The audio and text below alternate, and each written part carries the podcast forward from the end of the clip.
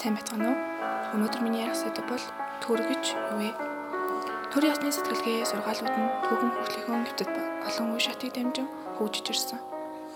Эрт үеэс идүүгээ үе хүртэл төрийн үүслийн тухай оноо сургаалуудын нийгмийн судлаачид тун олон янзаар ойлгож тодорхойлж ирсэн хэдиж ерөнхийдөө хоёр хандлагатай байдаг. Өргөн утгаараа хил хязгаараар хүрээлэгдсэн нутаг дэвсгэртэй хүмүүсийн хамтрах аж турах зохион байгуулалтыг хэлбэрийг төр гэж хэлдэг юм аа. Харин явц утгаараа бол нийгмийн гишүүдийг албалагын журмаар зохион байгуулах үүрэг бүхий байгууллагыг төр гэдэг юм аа. Төрийн гол буран онцлог шинж байдаг. Энэ бол нийтлэг эрх мэдэл хүн ам нутаг дэвсгэр. Үүний дараа төр хаана үссэн бэ? Төр яаж үссэн бэ? Төрийн үүслийн тухай маш олон монолог хийдэг.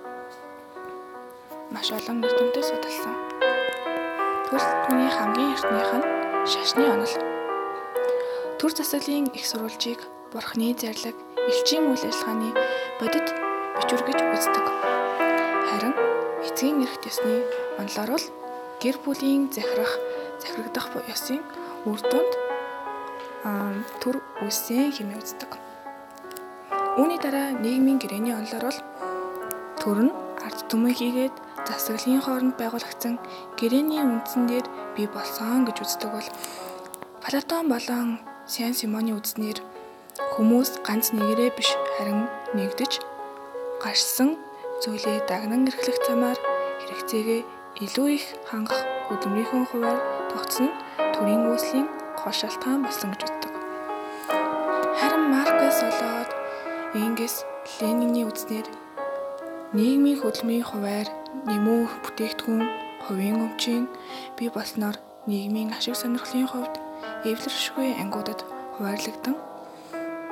Нийгэм хэсэг бүлэг хүмүүсээс бусдын албадлага ноёрхож нэг ангид бусад ангийн дарангуйлах замаар төр үүссэн гэж үздэг бол учирхийллийн онлын хүрээнд бол төрт яс болоод хүчтэй хүмүүсээс нийгэм дарангуйлаа тогтоох байгуулах бөгөөд эрх зүй болон хүчтэй нь хүчгүйгээ ашиглах сонирхлын тулгах хүлээн зөвшөөрөх арга хэрэгсэл буюу төр нь хүчирхийлэл ялгалтаар бэхжиж хөгждгөө хэмээн үздэг.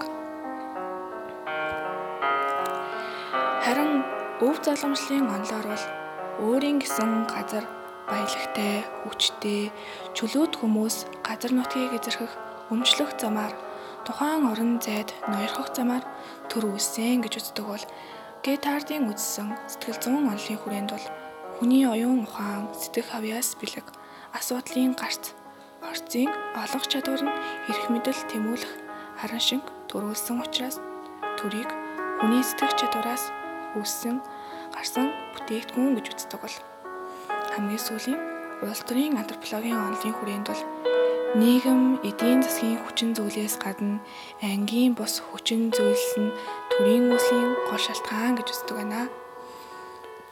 Тэгвэл төр яагаад байх шаардлагатай вэ? Аа төрийн заавал байх шаардлагыг 5 5 шат шаардлага байдаг. Энэ нэгдүгээрт нь болох дээрээ нэг талаас хүний өөрийнх нь мөн чанартай, нөгөө талаас хамтын амьдралын хэрэгцээгээ шаардлагатай шууд холбоотой байдаг. Аристотелийн хэлснээр хүн өөрийн мөн чанараас улс төрийн амьтаа тэрбээр захирах, захирагдах ёсгүйгээр хэвийн оршиж амьдрах боломжгүй учраас тэр бүхэн нь хүний оюун ухаантай салшгүй холбоотой гэдгийг гэж үздэг бол хоёрдугаарт төрийн мөн чанарыг тодорхойлж буй зүйл бол нийгэм, улс төрийн үнэт чанарууд юм аа. Хүний оршихуйд бусад үндэснийг үнцийг бүрдүүлэх хамгаалж, эрх эрх чөлөөг баталгаажуулахын төлөө улс төрийн нэгдмэл засаглалыг хэрэгжүүлж байдаг. Засаглал нь хүмүүс болон нийгмийн бүлэг давхрааны янз бүрийн үйл ажиллагаанд нэр хүнд, итгэл, хүндлэл, уламжлал, алба баталгын хэрэгсэл тусламжтайгаар нөлөөлөх чадвараар тодорхойлогдоо. Тийм боломж чадвар эрх зөвхөн төрдөл байдаг гэж үздэг байна.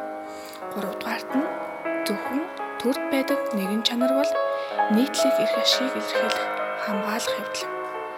Нийтлэг эрх ашиг гэдэг бол тухайн улс үндэсний амин чухал эрх ашигыг хүндсэн нийгмийн аль нэг гишүүн бүлэг дангаар шийдэж чадхааргүй асуудал юм. Дөрөвдүгüүрт нь тэгвэл нийгэм эрх ашигыг хамгаалахын тулд нийтээр зөвшөөрөх үйц үндслэлээр боловсруулж батлагдсан хуулийн үйл ажиллагааны үндсэн дээр тийм үүрэг чадвар зөвхөн төрдөл байдаг гэж үзсэн байна. Тавдугаарт нь төр нь материалын хүч болон оюун ухааны хүч мөн төр нь улс орныхоо бүх иргэдийн оюун санааны эв нэгдлийг илэрхийлж эх орон ард түмэн хэл соёлоороо бахархын бэлэг тэмдэг болж байдгаа гэж үздэг байна.